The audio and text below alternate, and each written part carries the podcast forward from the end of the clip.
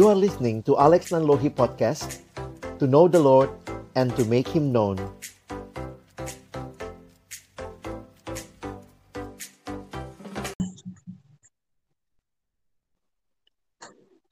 Halo teman-teman, ketemu lagi kali ini di MBD. Musti banget dengerin. Musti banget. Yeay.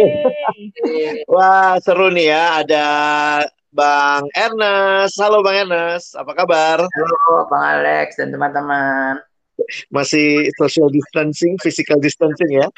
iya nih. Oke, halo ada Kak Keke. Halo Kak Keke. Halo Bang Alex, halo teman-teman. Priuk aman, ke? Aman, sentosa. Dan juga ada Bang Rey. Halo Bang Rey, apa kabar?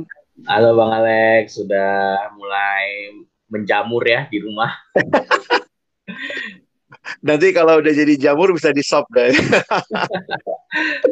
Iya, tapi kali ini kita tidak hanya mau apa ya ngobrol-ngobrol uh, tanpa arah kita juga pingin mendiskusikan sesuatu pengen dengar pengalaman sharing dari uh, abang dan kakak yang hadir dan saya minta um, bang Rey boleh memulai kita dengan diskusi apa nih hari ini apa sih topik yang kita akan bahas Oke, kalau jadi kan sama kayak mungkin teman-teman tahu kan kita lagi mau masuk masa-masa persiapan uh, regenerasi PKK.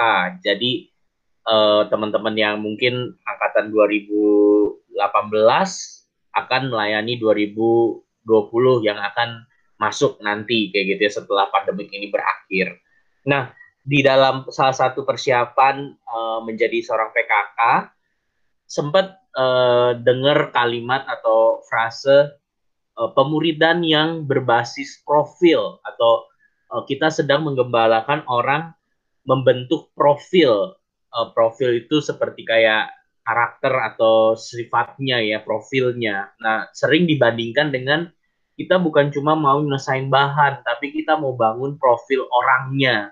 Nah, aku pengen mungkin kita bisa hari ini kayak mungkin sharing kali ya pengalaman teman-teman apa sih maksudnya membangun orang berdasarkan profil dan bukan sekedar menyelesaikan bahan dan ada nggak pengaruhnya dengan mengerti itu dengan cara teman-teman misalnya melayani atau menemani atau menjadi sahabat yang bertumbuh bersama dengan para AKK yang teman-teman layanin itu mungkin yang mungkin bisa jadi diskusi kita uh, hari ini.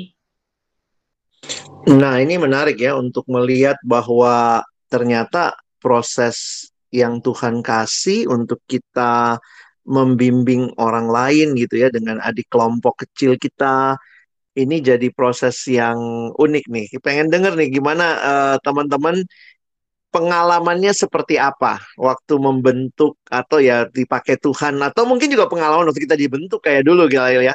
Aku pengen dengerin gimana nih dari Kak Keke nih. Kak Keke gimana? Pengalaman waktu dibentuk jadi AKK gitu ya, Bang?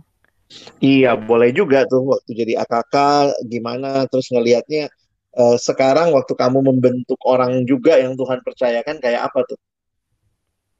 Hmm, kalau aku yang pasti uh, aku dari kampus Binus, PO Binus dan uh, dari awal waktu kami ketemuan kelompok kecil bersama dengan PKK aku uh, memang uh, udah dibilang gitu ya kelompok kecil ini berharap kita boleh sama-sama bertumbuh semakin serupa Kristus dan ya PKK aku punya kerinduan lah AKK-AKK-nya bisa memuridkan kembali. Jadi waktu aku jadi AKK sesederhana itulah aku mengerti kelompok kecil yaitu bertumbuh semakin serupa Kristus dan uh, memberi diri melayani uh, secara khusus yang melayani sebagai PKK gitu ya ke depannya. Nah, sering berjalannya waktu uh, mulai kan banyak juga referensi beberapa buku perkantas juga ngeluarin buku gitu ya pemuridan dinamis membangun bangsa gitu ya banyak baca juga dari situ uh, menarik sih maksudnya jadi semakin mendapatkan utuh tentang profil pem, uh, profil pemuridan ini jadi uh, memang waktu aku di kampus memang ya itulah kerinduanku seperti PKK aku berharap AKK aku bisa semakin serupa Kristus dan melayani uh, secara khusus menjadi PKK gitu ya. Nah, tapi kan serupa Kristus itu kan kayak uh, sebenarnya nggak sesederhana itu. Maksudnya itu kalimat yang kom kompleks sebenarnya. Nah, waktu aku baca buku Pemuridan Dinamis Membangun Bangsa menarik tuh di profil muridnya dia katakanlah. Maksudnya ini juga berkaca dari Tuhan Yesus ya ketika manggil 12 murid mereka percaya. Artinya mereka bertobat mengikuti Yesus kemudian dimuridkan tiga setengah tahun. Kemudian bagaimana selama menjadi murid Yesus juga mengutus mereka melayani uh, ya kemudian juga puncaknya di uh, Matius gitu ya sebelum Tuhan Yesus naik ke surga Tuhan Yesus menyatakan ke mereka pergi dan jadikanlah seluruh bangsa muridku. Yaitu panggilan untuk membuat murid.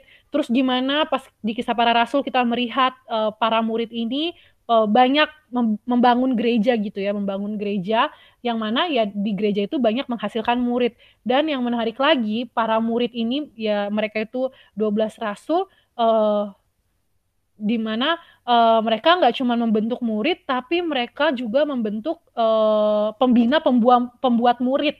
Misalnya seperti apa? Misalnya seperti Paulus.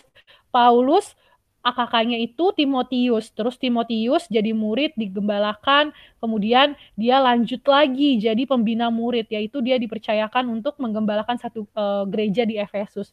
Jadi aku uh, semakin melihat utuh sih profil murid ini, dia memang uh, menjadikan uh, eh, AKK yang kita layani semakin serupa Kristus, tapi kalau disederhanakan lagi gimana sih serupa Kristus? Ya dia pertama uh, percaya, bertobat, mengakui Yesus sebagai Tuhan dan Juru Selamat, bersedia dimuridkan, menjadi murid gitu ya, belajar firman Tuhan, uh, terus bagaimana berjuang menghidupi firman Tuhan. Kemudian nggak sampai situ, ya dia memberi diri untuk juga menjadi pembuat murid gimana menolong orang lain untuk uh, ya memperkenalkan Kristus, mengajak orang lain untuk uh, percaya mengikut Kristus, mendidik orang menjadi murid. Setelah menjadi pembuat murid, dia menjadi pembina pembuat murid gitu ya. Uh, ya itu jadi suatu hal yang menarik. Uh, jadi dapat gambaran yang lebih utuh lah dari AKK menjadi PKK, terus banyak referensi buku-buku yang dibaca. Gitu sih Bang Alex. Oke, makasih Kak Keke. Pengen dengar pengalamannya Bang Ernest nih. Gimana Bang Ernest sendiri melewati masa-masa dulu mungkin dibimbing dan membimbing bagaimana sih membentuk orang seperti profil yang diharapkan kira-kira gitu. Nah dulu sih pengalaman uh, ngebimbing ya kayak gitu pasti nggak nggak terlepas sih antara dibimbing dan uh, ngebimbing. Dulu kan kalau karena aku dibimbing kayak gitu uh, bayangannya gimana aku ngebimbing orang seperti yang dulu kayak gitu. Cuman seiring berjalannya waktu makin bertambah uh, pemahamannya dan lain sebagainya. Dulu mah waktu ngebimbing orang tuh uh, karena masih simpel banget artinya gitu ya waktu jadi PKK lama kali.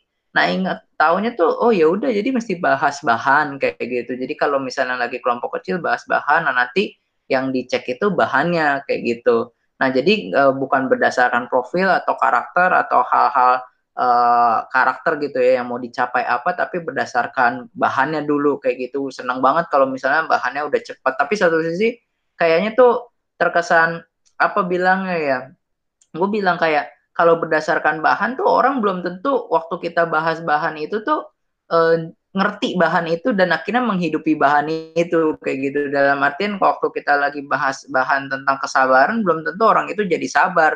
Nah tapi di dalam benak gua yang penting udah bahas nih kesabaran nih. Berarti ya bodo amat masalah mereka dia dia akak gue tuh mau sabar kayak mau enggak gimana. Nah itu. Nah itu salah satu hal yang menurut gue tuh penting banget sih untuk memperhatikan uh, profil ya kayak gitu. Karena setiap orang dan karakter orang kan beda-beda dan itu unik setiap orang. Bahannya bisa sama tapi perlakuan untuk mencapai profilnya misalnya ke Bang Alex untuk mencapai kesabarannya beda kayak gitu perlakuannya terhadap terhadap si uh, Keke kayak gitu. Nah, itu kan yang itu yang perlu diperhatikan. Nah, kalau misalnya hanya sekedar bahas bahan uh, itu jadi lebih menurut gue terlalu naif sih kayak gitu karena kita jadi cenderung mikir kok gue udah bahas bahan ini udah selesai nih bahan ini dia udah ngerti dan paham dan bisa menghidupi bagian kesabaran itu atau nanti pengendalian diri dan lain sebagainya. Nah itu, nah cuman salah satu hal yang kadang-kadang bikin sedih gitu ya, uh, karena kadang-kadang uh, ya ini salah satu bikin sedih. Kadang-kadang kita terjebak di dalam uh, berdasarkan bahan, tapi bahannya pun sendiri nggak jauh kayak gitu. Misalnya kita dari MHB, MHB baru beberapa dua kayak gitu atau tiga eh tau taunya dia jadi PKK lagi dan lain sebagainya nah itu satu sisi hal yang menyedihkan sih. Nah itu sih pengalaman gue waktu waktu apa tuh eh, berdasarkan profil. Nah memang jadinya lebih capek sih karena kan harus memperhatikan orang satu persatu kayak gitu memperlakukan orang berbeda satu dengan yang lainnya. Enak kan memang berdasarkan bahan kayak gitu. Karena kalau ditanya bahannya udah sampai mana? kayak gitu. Wah udah selesai nih gue udah ganti buku. Wah kelihatannya bagus banget kayak gitu pencapaiannya kan enak dipandangnya. Tapi padahal belum tentu dia menghidupi bahan kayak gitu. Barangkali mesti diulang lagi pembahasannya tentang tentang kesabaran pengendalian pengendalian diri atau yang lain-lainnya atau bahkan mungkin lebih banyak mesti ditambah interaksinya membagi hidupnya jalan barengnya supaya akhirnya bisa punya teladan dan juga uh, melatih kesabaran daripada AKK dan lain sebagainya Nah itu sih yang yang waktu itu dulu tuh gue uh, pengalaman gue yang gue alami ya kayak gitu. Cuman jadinya waktu uh, berdasarkan bahan jadi ini juga kadang-kadang tuh jadi jadi beratnya adalah kayak gini. Uh, itu kan kelihatan banget bahannya. Nah, jadi kadang-kadang gue suka self blaming juga. Waduh, bahannya baru sampai segini nih kayak gitu. Apa yang akan dikatakan orang? Karena evaluasinya kan nanti gue takutnya berdasarkan bahan kayak gitu kalau evaluasinya berdasarkan bahan bahan gue dari 10 bab baru sampai dua bab doang kayak gitu gue sendiri pun juga jadi aduh gue kayaknya jelek nih kayak gitu gitu nah nah ya, itu sih yang yang akhirnya pengalaman yang gue alami itu ini kelihat takut kelihatan jelek satu sisi pukul rata semuanya ini gue udah selesai bahas bahan ini mereka bisa mereka ngerti nah itu kayak gitu Oke, Bang Enes boleh tanya lagi nggak? Aku menarik tadi ya melihat bahwa membentuk profil orang itu kan nggak nggak hanya berdasarkan bahan gitu ya. Kapan kapan misalnya lu sendiri sadar, oh iya ya bahwa ternyata bukan cuman bahan nih asal udah ngasih bahannya berharap pasti otomatis akan berubah. Bagaimana tuh? Maksudnya momen kesadarannya akhirnya ngelihat oh iya ternyata nggak nggak cuman cuman butuh ini gitu. Pengalaman lu gimana? waktu itu tuh uh, eh, gue akhirnya ya setelah banyak pembinaan dan dan lain sebagainya tentu ya ada banyak orang-orang yang menolak tapi gue akhirnya ngehnya begini kayak gitu uh, eh, gue udah bahas bahan tapi kakak gue nggak berubah kayak gitu kok hidupnya masih begitu-gitu aja kayak gitu masih sama-sama aja itu apa yang salah kayak gitu. Dan gue akhirnya makin sadar iya ya sebenarnya waktu gue lagi bahas bahan tuh yang yang mau enaknya tuh gua kayak gitu. Gua akhirnya sadar di bagian itu tuh karena waktu bahas bahan berdasarkan bahan enak.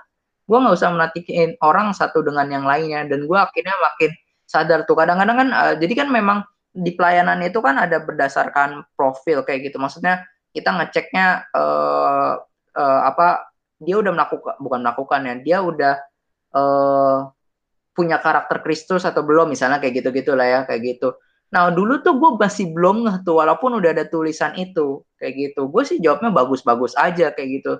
Nah cuman setelah makin lama gue makin paham, gue akhirnya makin ngerti ini kan harusnya karakter serupa Kristus gitu.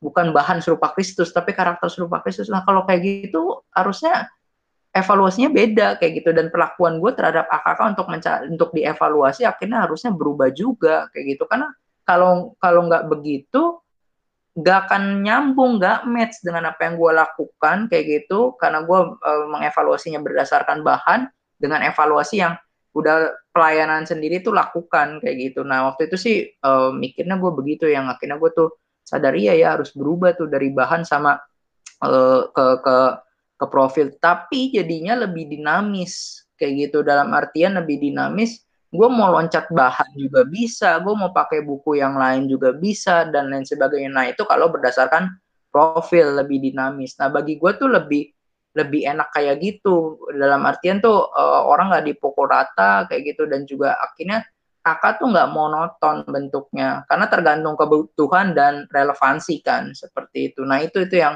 yang akhirnya gue uh, berubah lah uh, cara gue akhirnya memimpin kelompok juga sih seperti itu. Oke, okay. thank you ya pengalamannya. Nanti kita coba balik lagi, pengen menggali lebih jauh. Pengen dengar dari Bang Ray dulu nih, gimana pengalaman Bang Ray di dalam memahami bahwa ternyata memimpin orang itu bukan bukan cuma berdasarkan bahan, tapi kita mau bentuk profil nih. Gimana nih cara bentuknya nih? Gimana Bang Ray? Oke, okay. uh, eh, mungkin aku cerita juga pakai pengalaman ya. Uh, pengalaman yang pertama jadi AKK kayak gitu.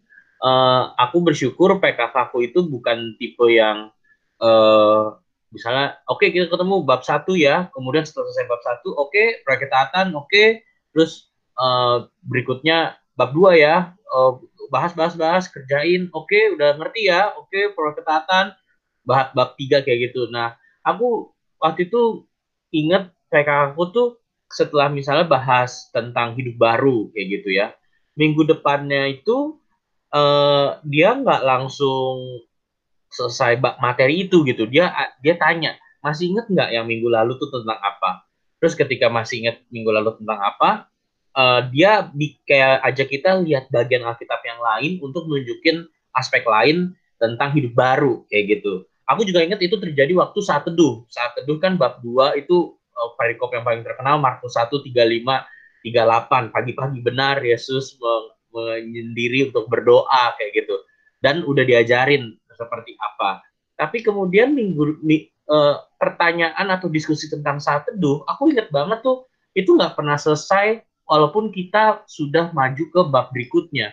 Dia selalu tanya e, gimana seminggu ini saat teduh? Tuhan seperti apa yang kamu syukuri? dan sebagainya. Dan waktu itu namanya jadi akal kan bandel lah ya gitu. Kayak saat teduh juga karena disuruh doang. Terus kalaupun belum satu teduh tapi ditanya cepet-cepet lihat ringkasannya. Terus kayak yang penting bisa jawab gitu ya. Tapi uh, aku mulai sadar ketika iya ya tujuannya tuh bukan cuma sekedar pokoknya Ray udah tahu saat teduh titik kayak gitu. Dan sudah mau taat proyek ketaatan seminggu.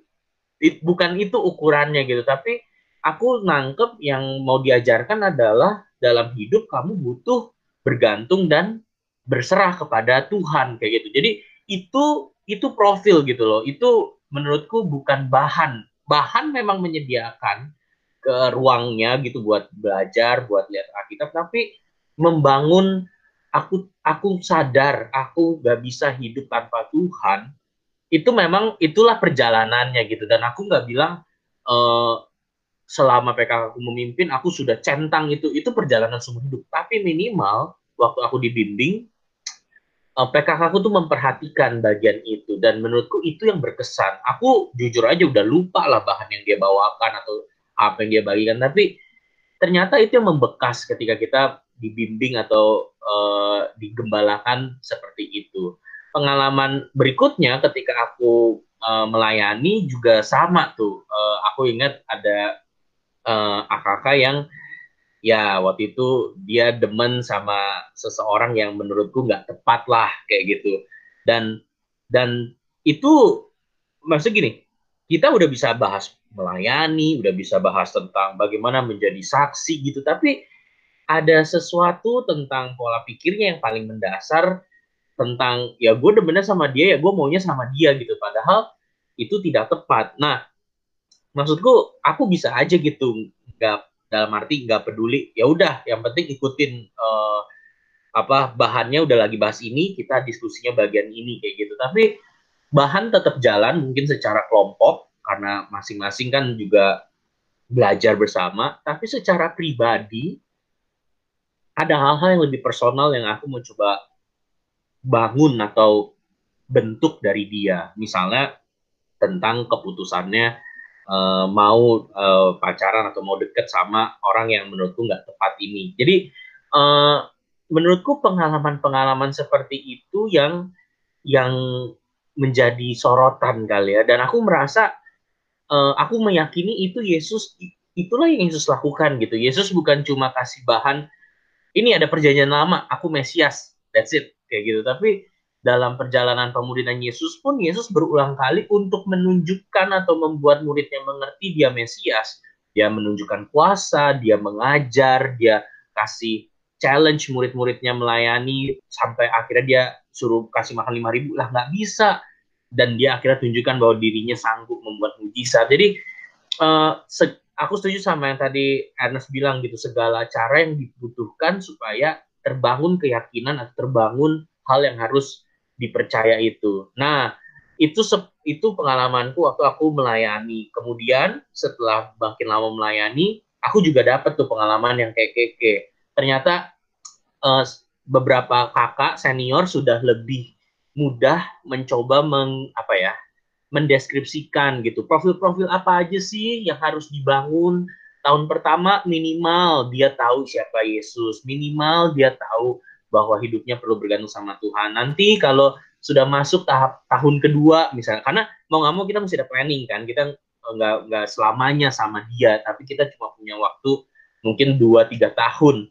Nah nanti semester berikutnya kira-kira kita bisa tambahin pemahaman dia atau atau uh, minimal dia ngerti bahwa dia nggak bisa sendirian dia perlu persekutuan. Sampai akhirnya bahkan ketika dia akan memimpin kembali menjadi pemimpin kelompok kecil misalnya aku pun juga masih kayak oh minimal dia tahu bahwa menggembalakan itu bukan sekedar kasih bahan tapi hidup bersama. Jadi ada ada skenario atau skema yang dibagikan tapi sekali lagi itu kan hanya pemikiran uh, satu orang buat pola umum. Tapi sebenarnya bagiku uh, pelayanan kita atau pemuridan kita ya bergantung segitiga lah antara Tuhan, kita, dan orang yang kita layani. Dan dari situ Tuhan bisa kasih kepekaan, kita perlu bangun bagian apa sih dari adik-adik kita yang mungkin secara bahan nggak tercover, tapi melalui sharing hidup, melalui pengalaman bersama, Tuhan ingin kita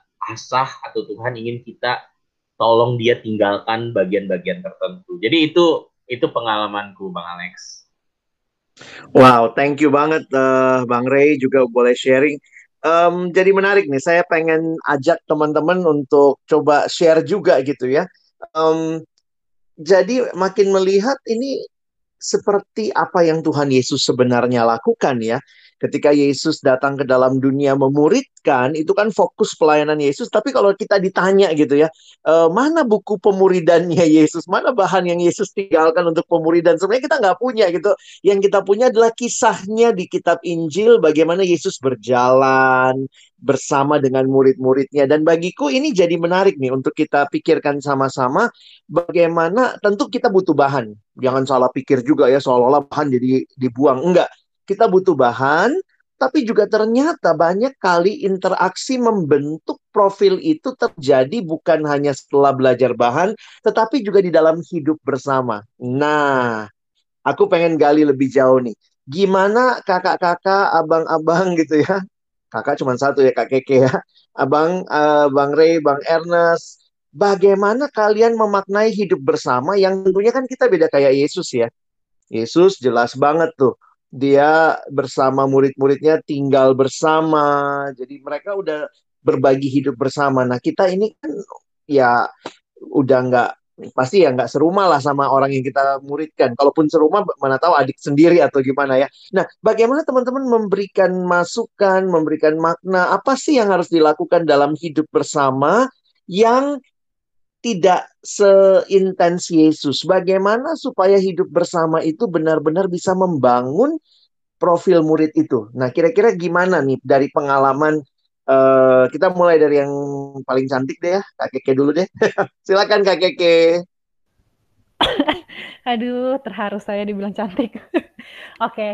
uh, eh, kalau dari aku, uh, kalau tadi Kak Ernest dan Korey uh, ada mention juga gitu ya tentang masalah profil murid berkaitan dengan pembahasan bahan. Nah ini menarik. Waktu aku zaman kuliah dulu jadi PKK, um, kami nggak bahan oriented sih. Maksudnya nggak uh, minggu ini bab satu, minggu depan bab dua, bab tiga gitu enggak. Nah uh, itu berdasarkan profil memang. Jadi kami bahas bahan lompat-lompat, tapi berdasarkan profilnya gimana? Berdasarkan menurut logika aku sendiri, bukan berdasarkan gue ngelihat nih anak lagi pengen apa ya. Jadi berdasarkan logika berpikir aku, kalau mereka udah hidup baru, menarik nih uh, kita bahas doa dulu. Yang mana uh, aku ngelihat doa itu belajar untuk pelan-pelan lah. Pertama menjalin komunikasi lewat doa kemudian merenungkan firman terus godaan cobaan gitu. Jadi aku uh, ngebuat profil memang berdasarkan profil tapi profilnya berdasarkan logika berpikir aku.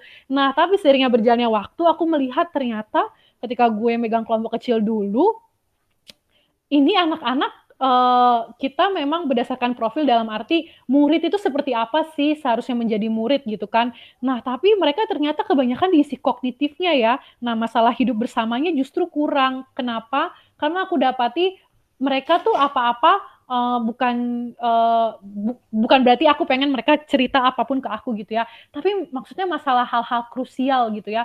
Misalnya terkait dengan pelayanan ada anak yang tiba-tiba misalnya udah uh, maksudnya kakak aku sendiri gitu ya mulai pusing dan kayaknya burn out dan pengen keluar aja dari uh, pelayanan gitu kan. Ada kakakku yang sangat pendiam pendiam banget gitu kan. Jadi uh, akhirnya aku menyadari pas aku evaluasi gitu ya megang mereka uh, wah ternyata uh, gue cuma sharing kognitif doang nih. Gue cuma ngasih tahu gini loh profil murid tuh seperti ini loh. Tapi ternyata ya itu masalah hidup bersama nggak terbangun. Nah uh, akhirnya seiring berjalannya waktu ya Tuhan anugerahkan lagi gitu kan kelompok kecil. Uh, nah di sinilah aku belajar untuk uh, ya mulai memikirkan lah gimana ya maksudnya jangan sampai gue uh, kita memang bahas bahan nggak sesuai batnya maksudnya dalam arti pakai profil tapi jangan sampai profil ini berdasarkan logika gue gimana maksudnya bergumul sama Tuhan gimana caranya supaya ya uh, bahas bahan ini sesuai profil mereka apa yang mereka butuhkan. Nah akhirnya gimana cara gue tahu apa yang mereka butuhkan? Itulah inisiatif untuk hidup bersama itu. Jadi hidup bersama bukan masalah uh, supaya makin kenal dia tapi ya semakin kenal dia dan berharap gue jadi makin tahu nih bakal bahas apa ya sama dia apa yang dia kurang dan gue bisa bantu apa berdasarkan diskusi belajar Alkitab bersama gitu. Jadi uh, pas pegang kakak yang kedua kali ini tuh menjadi ya sangat penting hidup bersama. Pasti gue luangin waktu main bareng mereka cewek-cewek apalah ke mall nonton time zone terus gue gue coba hadir di mana pun mereka ada. Jadi misalnya mereka aktif di medsos, setiap mereka post apa, gue akan komen berbagai hal apa pun itu, gue akan komen apa pun itu. Jadi uh, di uh, WhatsApp Story kalau mereka juga muncul, gue komen. Intinya gue coba berusaha hadir di mana pun mereka lagi update gitu ya. Jadi hidup bersama bukan cuma ketika ketemuan, kita ke mall, nonton, makan bareng, tapi ya gue berusaha hadir ketika ya mereka di medsos ngepost apa ya gue coba komen dan segala macamnya uh, awalnya mungkin jadi kayak gue ngelihat ih ini kakak pengen banget tahu hidup gue sih posesif banget. Tapi lama kelamaan maksudnya dalam sisi guanya sendiri enjoy gitu ya. Karena gue melihat hidup bersama ini bagian dari gue pengen menolong mereka semakin mencapai profil murid dan uh, ya akhirnya terbangun juga persahabatan dari hidup bersama itu. Dalam arti uh, di mana pun mereka berada sebisa mungkin ya gue di sana lah hadir gitu ya. Terutama yang paling banyak kan mereka hadir di medsos kan. Makanya uh, bagi gue secara pribadi Instagram menjadi sangat penting. Kenapa? Karena kakak-kakak gue di sana. Jadi gimana cara gue tahu keseharian mereka? Mereka tuh seperti apa? Real mereka ya sebenarnya lewat medsos-medsos itulah. Jadi begitu sih hidup bersama yang gue lakukan gitu. Dan nggak cuma okay. itu video apalagi, call apalagi? juga video call uh, beberapa oh. kali kalau ada oh. yang ulang tahun terus ini kakaknya kan cewek ya iya nah kalau ama yang cowok setauku juga keke kan pernah mimpin yang cowok juga itu gimana nah, tuh iya. hidup pertamanya dimaknainya gimana nah kalau ama yang cowok biasanya uh, di mana mereka nongkrong gue ikutan nongkrong uh, mereka mau main uh, basket ya udah gue ikut nongkrong ke sana. Mereka mau chill di di kampus di kantin ya udah gue ikut. Mereka pengen makan warteg ya udah gue ikut ke sana. Jadi ya kalau cowok kan lebih ini ya maksudnya uh, yang mainannya nggak mall gitu kan ya intinya nongkrong di mana pun tempatnya. Jadi kalau sama cowok biasanya ya itu sih gunain tempat-tempat nongkrong. Biasanya juga gue gunain uh, WhatsApp, Line, ya pastinya di medsos mereka gue selalu coba komen gitu ya setiap IG story. Tapi biasa kami juga banyak ribut ngebahas ayo main game bareng gitu kan. Ayo uh, nonton ini, nonton film-film yang pastinya yang cowok banget lah. Gitu sih biasa nah, yang cowok. Kak Keke pengen nanya nih ya, mungkin kan orang mikir, mikir gitu loh. Kalau kayak gitu apa bedanya dong? Ya udah mendingan nongkrong aja sama mereka. Tapi pengalaman Kak Keke waktu jalan bareng, nonton bareng, main game bareng, apa sih yang sebenarnya Kak Keke lihat atau ini mau ngajarin apa sih ke mereka atau kok malah jadi kita ngikutin mainannya mereka gimana nih apa yang Kak Keke uh, hayati waktu ikut melakukan itu Nah, ini yang menarik ketika gue uh, ketika gue apa bareng mereka, ternyata kan di tempat-tempat seperti itulah mereka cerita uh, berbagai hal yang mereka pusingkan kan. Terus gue juga jadi ikutan pusing kan, buset nih kakak gue mikirin nilai, mikirin masa depan, mikirin nama pacarnya, mikirin calon pacar gimana gitu kan. Tapi seiring berjalannya waktu, akhirnya Tuhan ngasih gue hikmat bahwa uh, uh, apa yang mereka pusingin sebenarnya ada satu alasan. Maksudnya dalam arti misalnya kayak kakak gue, dia uh, pusing di tempat magangnya dan itu ternyata berdampak ke pelayanannya, ke relasi dengan orang lain dan segala macam. Jadi hidup bersama ini tuh menolong gue jadi semakin tahu apa sih akar masalah nih anak. Jadi gue bisa membantu di situ sih. Uh, gue nggak bisa membantu semua masalah mereka. Mereka punya banyak kekhawatiran. Apa sih akar masalah nih anak? Misalnya kalau yang cowok masalah harga dirinya uh, atau masalah sulit menjadi role seorang kakak yang kompeten di rumah. Dan itu ternyata ngaruh ngaruh di kuliah ngaruh di relasi dengan orang. Dan yaitu hidup bersama gue jadi semakin tahu uh, ketika mereka banyak problem ketakutan kecemasan dan rasa uh, kesedihan dan segala macam itu sebenarnya ada akar masalahnya ada satu masalah yang mempengaruhi semua gitu sih dan dan itu ini ya bisa bisa kelihatan bisa ketahuan justru di pertemuan yang informal kali ya Iya, betul banget. Karena kalau pertemuan yang formal uh, lagi bahas bahan kadang-kadang semua malaikat ya. Luar biasa Jawabnya juga iya puji Tuhan, amin gitu kali. Ya. Kayaknya dia udah siap okay. jadi PKK gitu kan kalau bahas bahan. Iya, iya, iya. Thank you Kak Keke. Uh, Oke, okay, Bang Ernest gimana nih pengalaman kalau tadi kan sisi perempuan ya mungkin uh, mendekatinya seperti itu, membangun profil, kenal lebih jauh. Apa yang uh, Bang Ernest bisa maknai hidup bersama nih? Wah, apa ya udah habis kayaknya diambil Keke.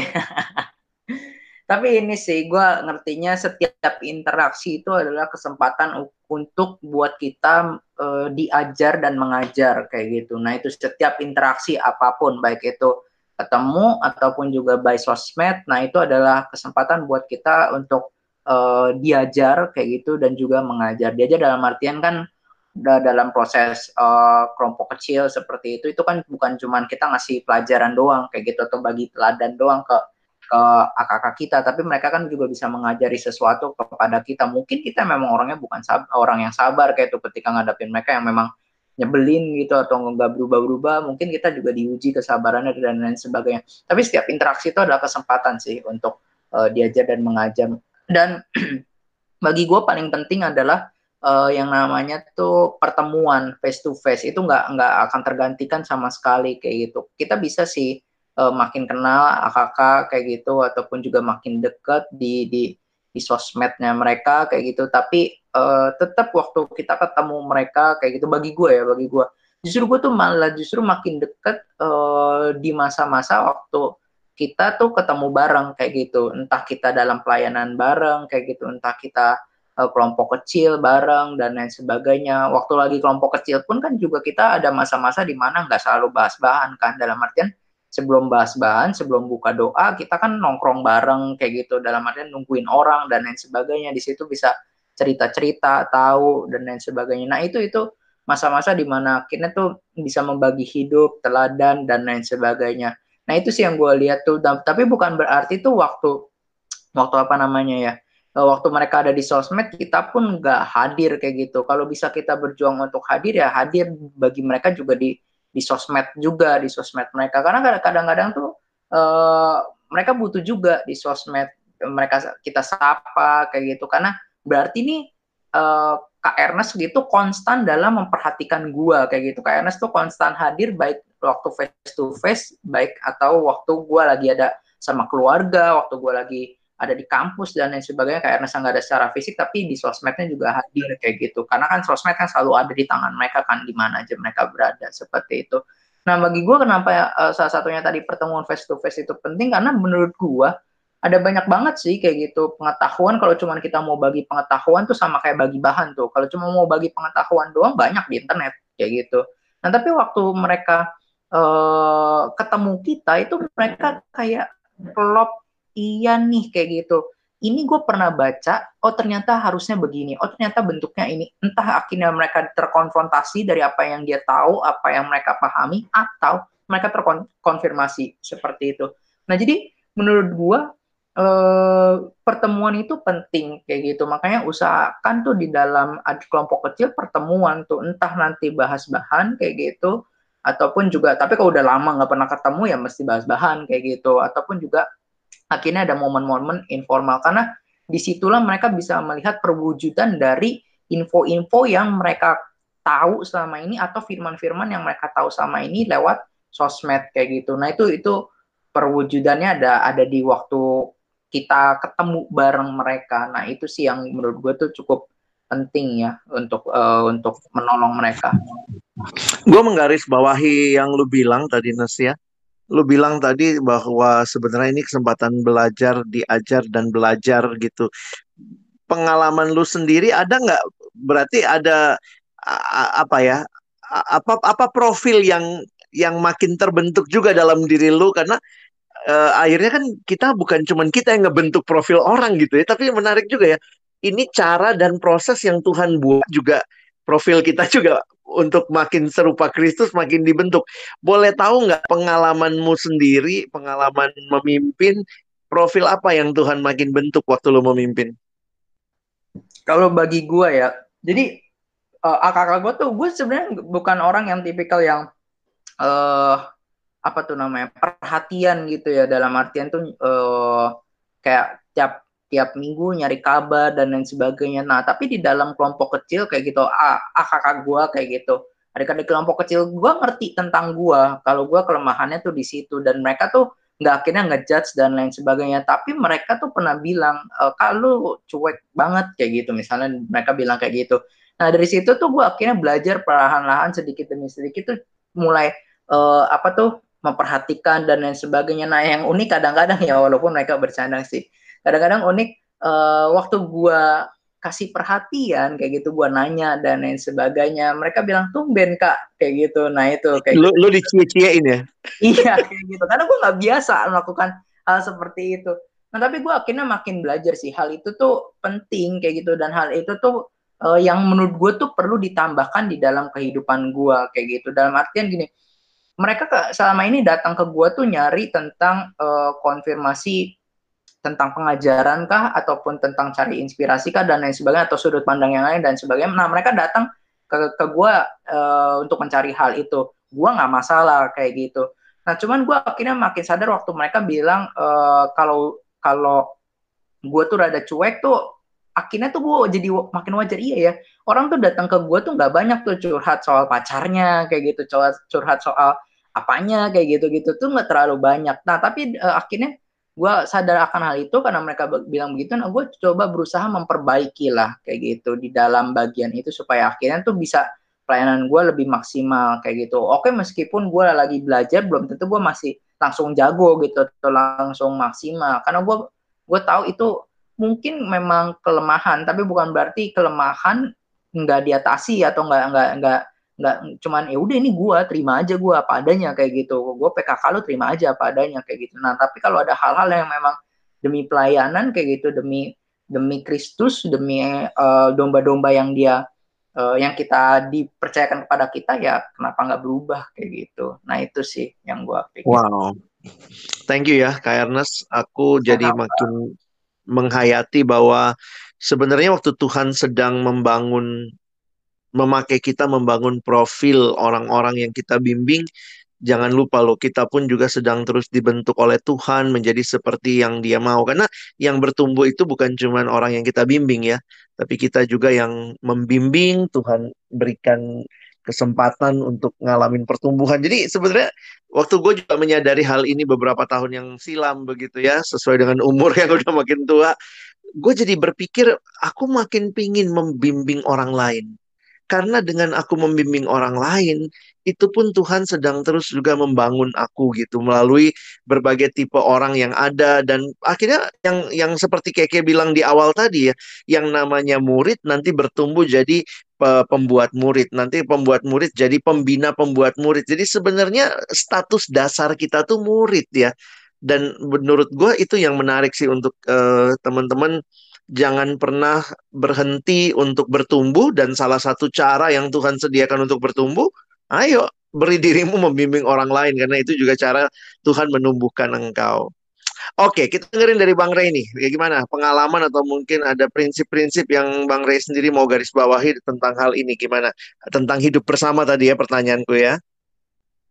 Oke, uh, kalau buat aku itu salah satu titik baliknya atau bukan ya, eh, titik uh, kesadarannya adalah ketika kakak atau orang yang dilayani bilang, "Bang, aduh, bosen pakai bahan."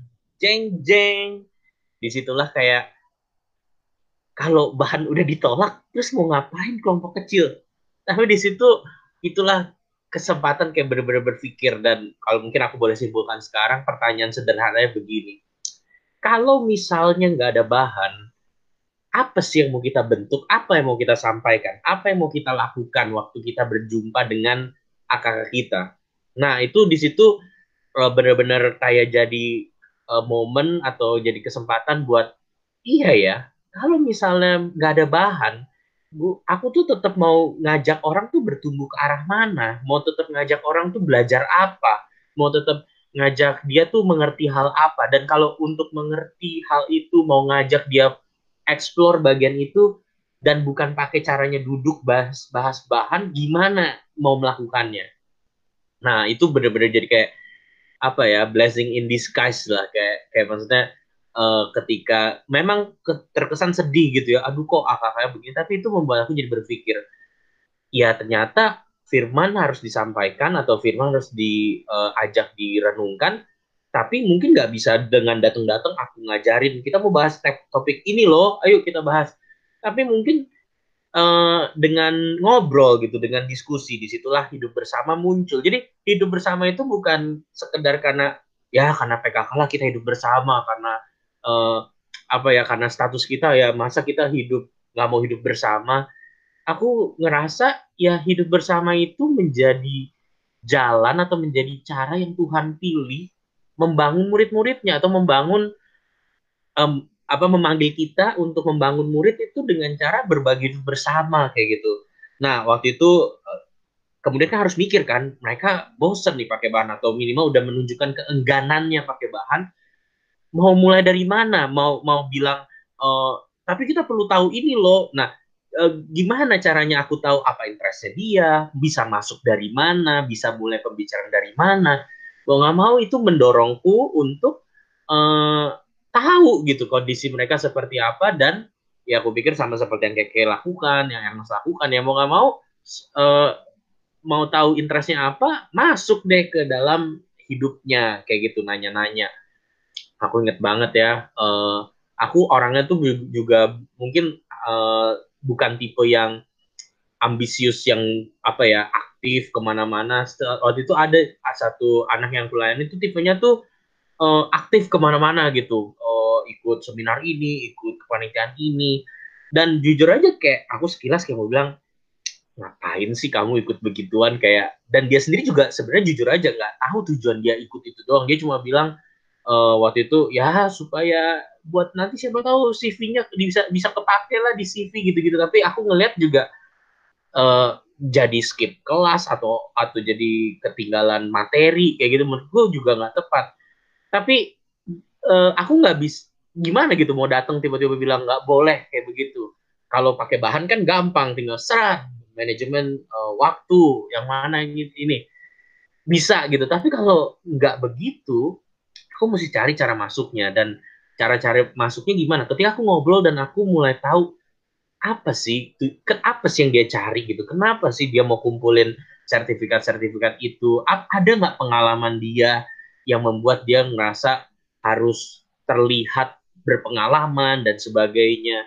Dan ternyata di situlah waktu aku jadinya kadang-kadang kayak lu ikut seminar mana? Uh, apa gua gua boleh nebeng nggak? Gitu bisa ikutan nggak? Atau misalnya kalaupun aku nggak bisa ikutan setelah dari fakultas mana aku ketemuin tadi lu nangkep apa, apa yang lu pelajarin kayak gitu. Karena kadang-kadang dia juga ikut nggak ngapa-ngapain nggak ngerti apa-apa jadi kayak ini anak kenapa? kayak gitu. Nah di situlah aku mulai ngeh kayak baru tahu oh ternyata dia punya uh, kekhawatiran atau punya rasa apa ya minder uh, sebenarnya nggak mau masuk di fakultasnya tapi karena udah keburu masuk jadi gimana bayarnya gitu supaya tetap apa prestigious gitu tetap tetap ada bernilai kayak gitu. Nah maksudnya dari situ aku mungkin bisa akhirnya aku ajak dia untuk diskusi dan sharing dan uh, aku kadang-kadang bagikan uh, reminder kayak gitu ya. Uh, di dalam aku bilang gitu aku izin doain ya.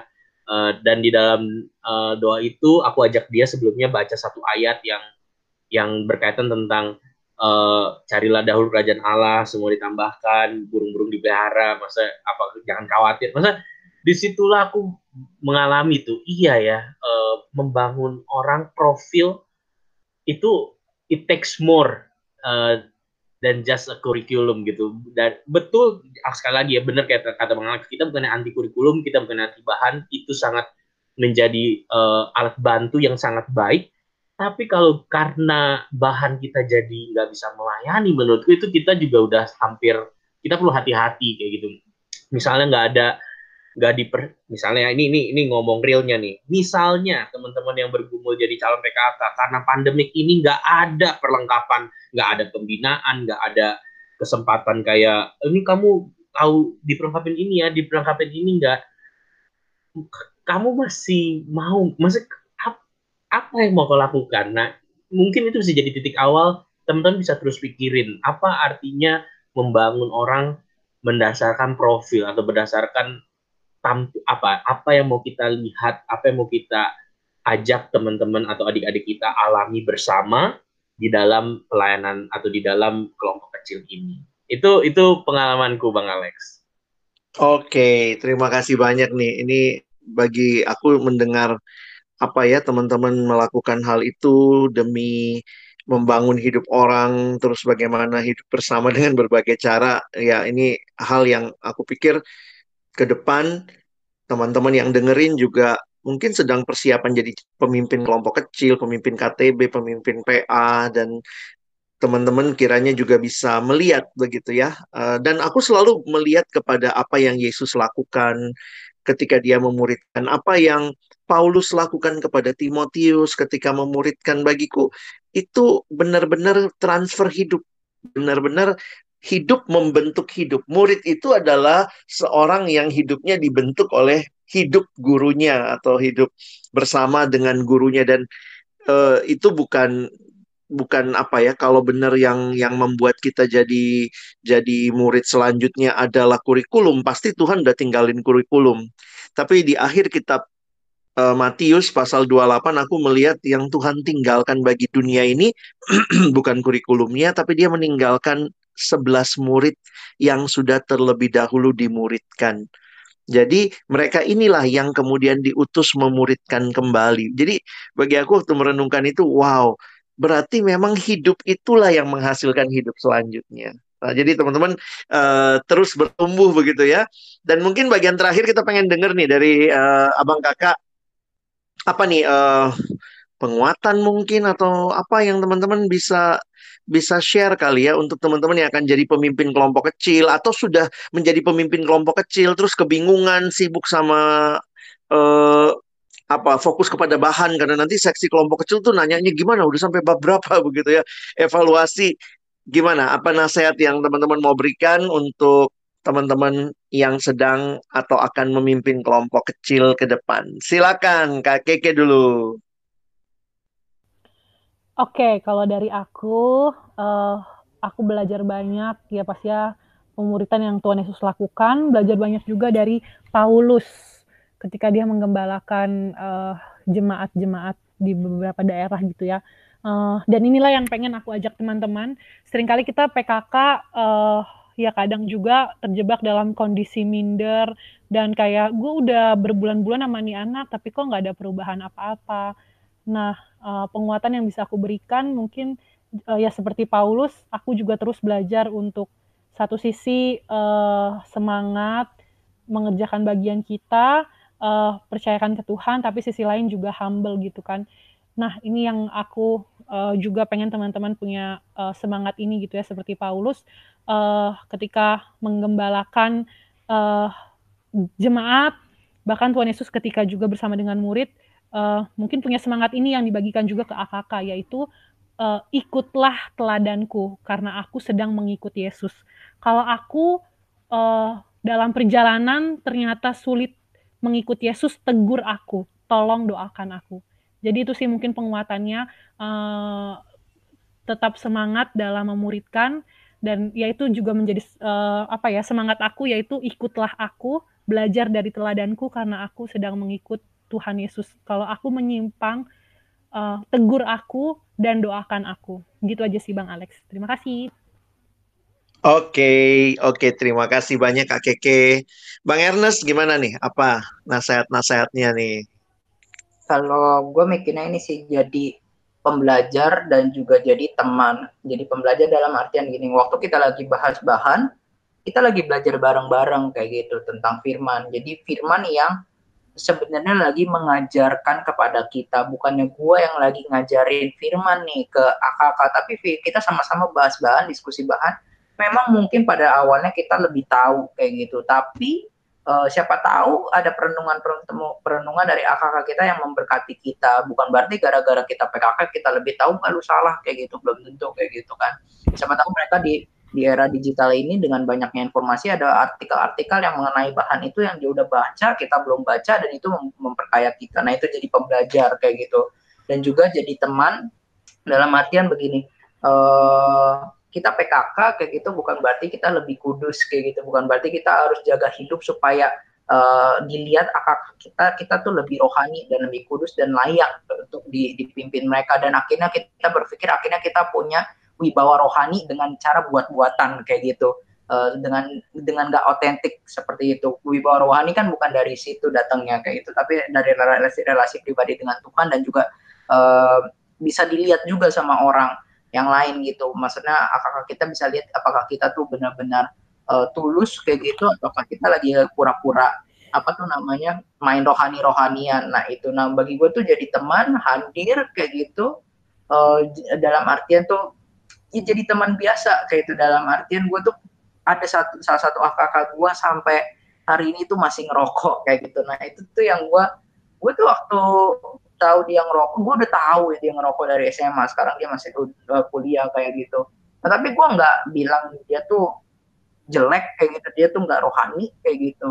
Justru dia selalu kalau ada masalah apa datangnya ke gue kayak gitu. Dan dia cerita sharing. Tapi ada satu hal yang menarik dari hidup dia kayak gitu yang gue pelajari kayak gitu. Waktu gue jadi temannya dia. Dia tuh concern banget sama masalah gereja dan pelayanan apalagi pengajaran gereja. Nah, tapi hidupnya dia ngerokok kayak gitu. Nah, itu kan eh, kelihatannya berseberangan kan satu dengan yang lainnya seperti. Nah, itu memang satu bagian sendiri yang perlu diperbaiki yang rokoknya kayak gitu. Tapi bukan berarti eh, waktu dia jelek satu seluruhnya jelek. Eh, jadi kan gue belajar jadi temannya dia, bukannya jadi hakimnya dia untuk hidup lu salah kayak gitu. Nah, itu sih yang yang gue mungkin bisa sampaikan. Oke, okay, thank you Bang Ernest. Bang Ray gimana? Uh, aku yakin uh, seiring aku baca kitab, uh, aku punya keyakinan bahwa Yesus pun bukan hanya sekedar mengejar uh, pengetahuan atau pemahaman dari murid-murid karena sedari awal Yesus sudah bilang gitu, uh, bangsa bisa aja langsung bilang gak usah susah-susah nunjukin dirinya siapa, aku Mesias kamu percaya ya kayak gitu. Tapi karena eh, murid-murid yang memang sulit percaya sulit mengerti Yesus mengejar gitu uh, bukan cuma pemahaman tapi kupikir mengejar hidup para murid gitu ya. Ketika ketika diutus dan Tuhan berkata aku akan memberikan penolong yaitu Roh Kudus kupikir itulah salah satu bukti bahwa Tuhan Yesus pun mengejar hidup murid gitu, bukan sekedar uh, agendanya, agenda maksud dalam tanda kutip agenda pemuridannya. Jadi aku mendukung, aku mendoakan, aku menguatkan teman-teman yang sedang bergumul menjadi calon pemimpin ataupun yang sudah sedang menjadi pemimpin sebagaimana Kristus telah mengejar hidup kita bukan hanya mengejar agenda pemuridan, bahan pemuridan, aku pun juga mendorong teman-teman juga untuk mengejar hidup orang-orang yang kamu layani, melayani dan berjalan bersama di dalam hidup orang-orang yang kita layani. Baik, terima Bang kasih banyak. Uh, Kak, Kakek mau nambahin? Iya, boleh boleh. aku tadi jadi teringat tentang masalah Hmm. teladan. Maksudnya aku takut itu membebani anak-anak yang menjadi PKK. Kita harus jadi Hmm. teladan. Eh, bagi aku sendiri, eh, eh, komitmen untuk menjadi eh, PKK itu itu artinya itu kita mau mau mengambil langkah berani untuk bersaksi. Karena PKK bukan cuma bagian firman tetapi ya memang eh, Tuhan mengajak menjadi maksudnya panggilan untuk menjadi PKK ya eh, bersaksi menghidupi firman itu. Jadi makanya menurutku penting ya memang eh, pastinya belajar firman dan bagaimana mereka melihat bahwa firman itu bisa loh dihidupi, firman itu real, firman itu bisa dialami dan bisa dihidupi, ya mereka belajar dari kita PKK. Jadi kita PKK panggilannya nggak cuma ngajar doang, tapi juga bersaksi atau ya secara sederhana ngasih teladan. Jadi ya makanya eh, menurutku kata-kata Paulus itu sangat eh, berarti ikutlah aku karena aku eh, sedang mengikut Kristus. Dan aku tambahin juga aku sebagai PKK penting punya rasa berani kita mau ngasih teladan tapi juga humble. Kalau aku sedang tidak mengikut Kristus tegur aku dan doakan aku. Ya doaku juga kiranya teman-teman juga ngambil langkah berani membagikan firman dan juga menjadi saksi gitu ya untuk adik-adik binaan kalian. Terima kasih Oke, terima kasih banyak untuk Kak Keke, Bang Ernest, Bang Ray, dan hari ini melalui podcast ini kami terus mendorong teman-teman untuk menyiapkan diri ketika Tuhan memanggilmu menjadi pemimpin yang boleh membawa orang lain, membimbing orang lain, mengenal Tuhan, bertumbuh di dalam Tuhan sebagai pemimpin kelompok kecil, pemimpin KTB, pemimpin PA, apa pun namanya. Tapi yang jelas adalah kita sedang terus bertumbuh dan kita menolong orang lain bertumbuh. Oke, jadi MBD mesti banget dengerin. Mesti banget. Yeay. Thank you. Sampai ketemu semua. Bye. Nah. Dah.